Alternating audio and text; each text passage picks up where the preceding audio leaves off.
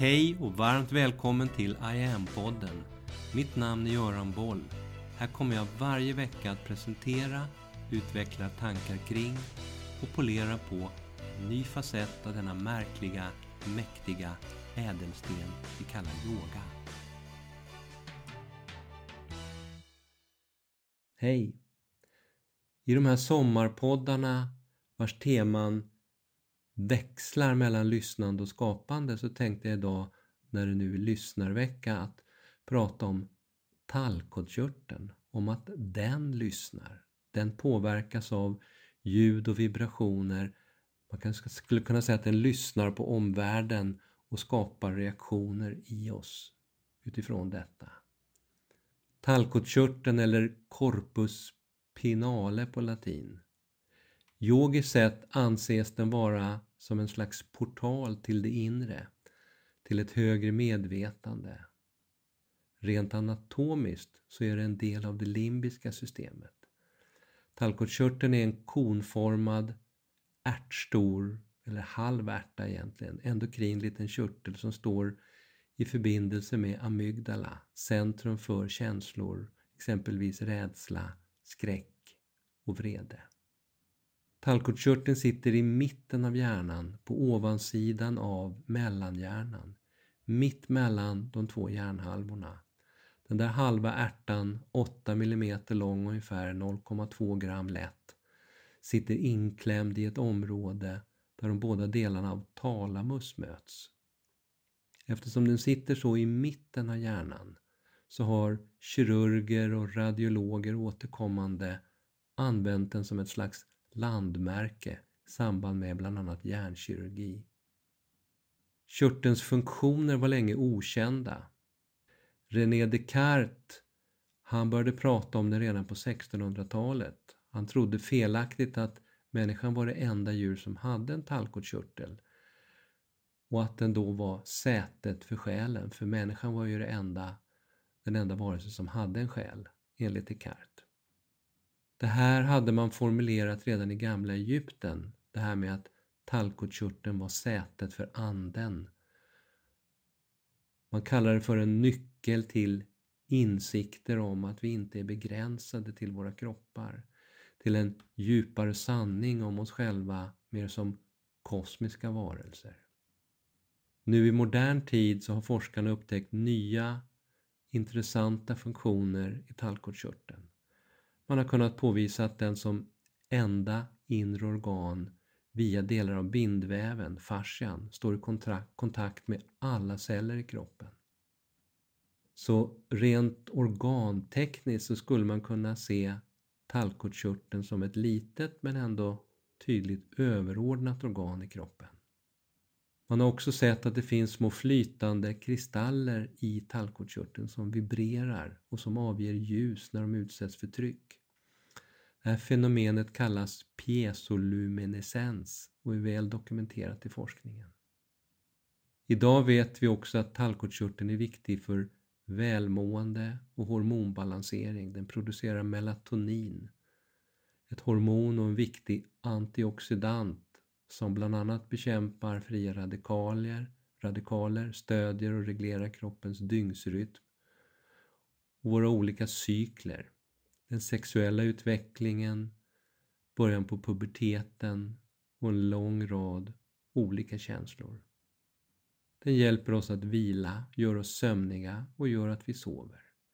Melatoninproduktionen är som störst mellan 22 och 04.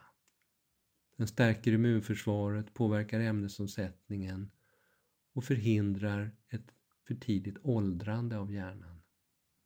Man skulle kunna likna tallkottkörteln vid kroppens, en kroppens egen huvudnyckel som lyssnar till och omvandlar signaler från den omgivande miljön till ett antal inre endokrina svar. Där den bland annat styr hunger, törst, kroppstemperatur.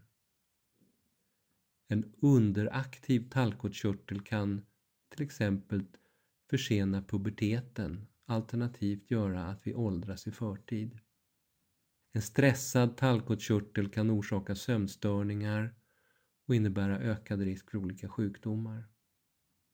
Den tar emot mer blod än någon annan del utav hjärnan. Den är känslig för föroreningar, för elektriskt ljus. Den är känslig för brist på D-vitamin. Den är känslig för stress. Och fluor som är en stor bov i sammanhanget. Studier visar att tallkottkörteln är det ställe i kroppen som i första hand lagrar det fluor i form av natriumfluorid som vi får i oss via tandkrämer och munskölj och i vissa länder via dricksvattnet. Forskaren Jennifer Luke vid University of Surrey i England genomförde 1997 en studie som visade att den mjuka vävnaden i tallkottkörteln innehöll mer fluor än någon annan mjukvävnad i hela kroppen. Fungerar som en magnet för fluoret skulle man kunna säga. Och det kan bland annat leda till nedbrytning av kollagen, ge eksem, rynkor, olika vävnadsskador i huden, genetiska skador och kan även påverka immunförsvaret. Det kan också ge problem med matsmältning, andning, blodcirkulation, njurfunktioner och hämma melatoninproduktionen som sen i sin tur påverkar och försämrar sömnen. Fluoret sägs också kunna bidra till demens och andra hjärnskador, benfrakturer, tumör, cancertillväxt, kan påverka gener, försämra spermiekvalitet och fertilitet, reducera sköldkörtelns funktioner och resultera i allergier med mera. Jag slutade själv med fluortandkräm för många år sedan. Tallkottkörteln sägs via melatoninet också ha en egen produktion av neurotransmittorn DMT, den så kallade andliga molekylen. DMT anses som en av de mest kraftfulla hallucinogena neurotransmittorer vi känner till. Den ökar naturligt under sömnen, i samband med vissa meditativa tillstånd, i födelseögonblicket, under nära döden-upplevelser och via intag av diverse hallucinogena växter, till exempel ayahuasca som det talas återkommande om. DMT sägs också bidra till en djupare intuitiv förmåga. Enligt forskning så är frisättande av DMT förenat med höga frekvenser av hjärnvågor i frontala cortex, det vill säga främre hjärnbarken, och samtidigt låga frekvenser i hjärnstammen. DMT skulle på det sättet kunna bidra till en inre transformation i oss, en slags frisättning av energi, ett förstärkt inre seende och lyssnande. DMT är sedan 70-talet narkotikaklassat och förbjudet i Sverige.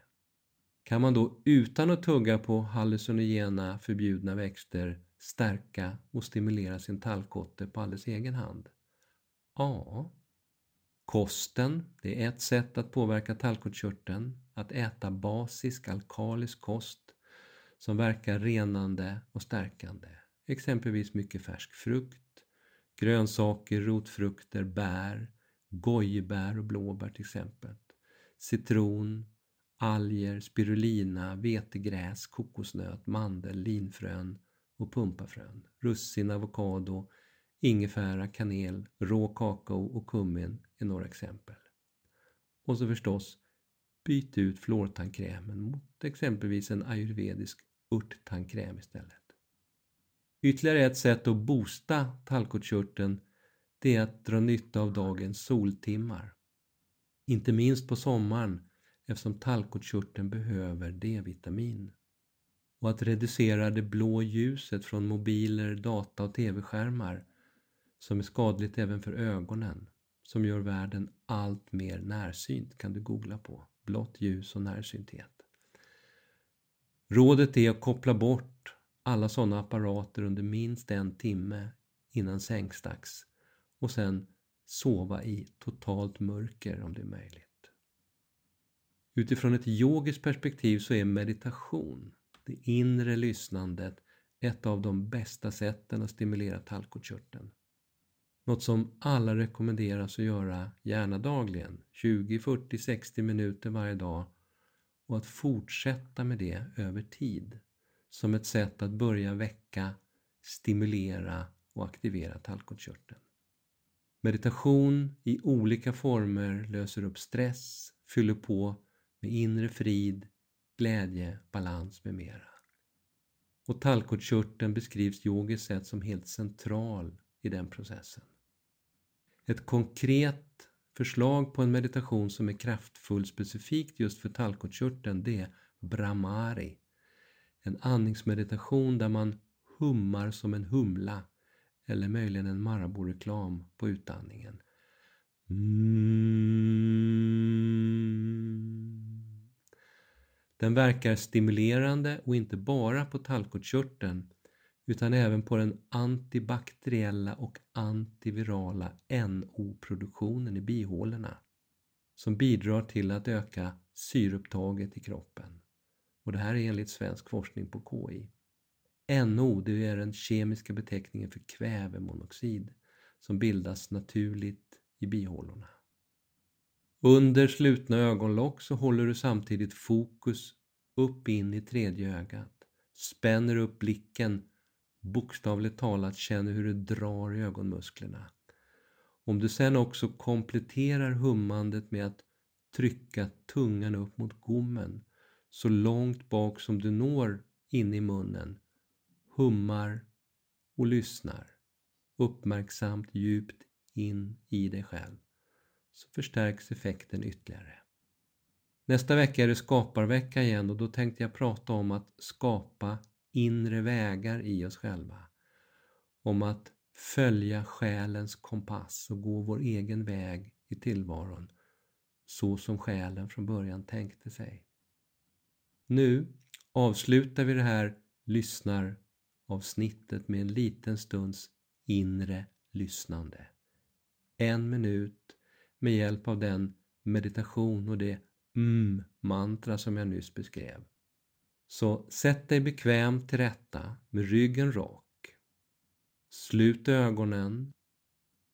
Fokusera in i tredje ögat, punkten mitt mellan ögonbrynen. Tryck tungan upp mot gommen en bit bak in. Se om du når ända till den mjuka gommen. Så ta ett djupt andetag in så kör vi nu en minut.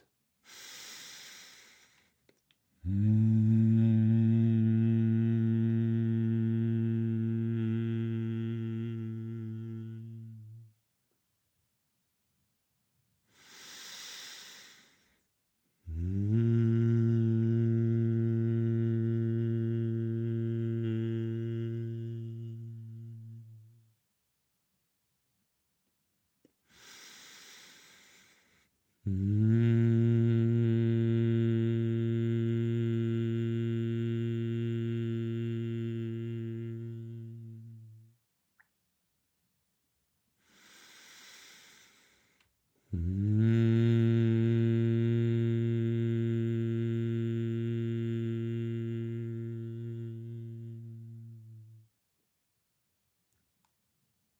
Fortsätter du nu på egen hand. Tack för idag. Mitt namn är Göran Boll. Det var jag som skapade Medyoga och grundade Medyoga-institutet. Sedan 90-talet och framåt har jag introducerat yoga i näringslivet, in i svensk forskning och in i den svenska hälso och sjukvården där Sverige idag är världsledande på yoga direkt för patienter. Framtiden för mig handlar om I am. Yoga för medvetenhet och hälsa. Läs mer om kurser, online-träning, utbildningar med mera på hemsidan iamyoga.online. Följ oss gärna på sociala medier och tycker du om de här poddarna så tar jag tacksamt emot om du vill gå in på iTunes, Spotify och där poddar finns och ge mig ett betyg så vi blir fler som hittar in i yogans värld. Tack för att du lyssnar och delar.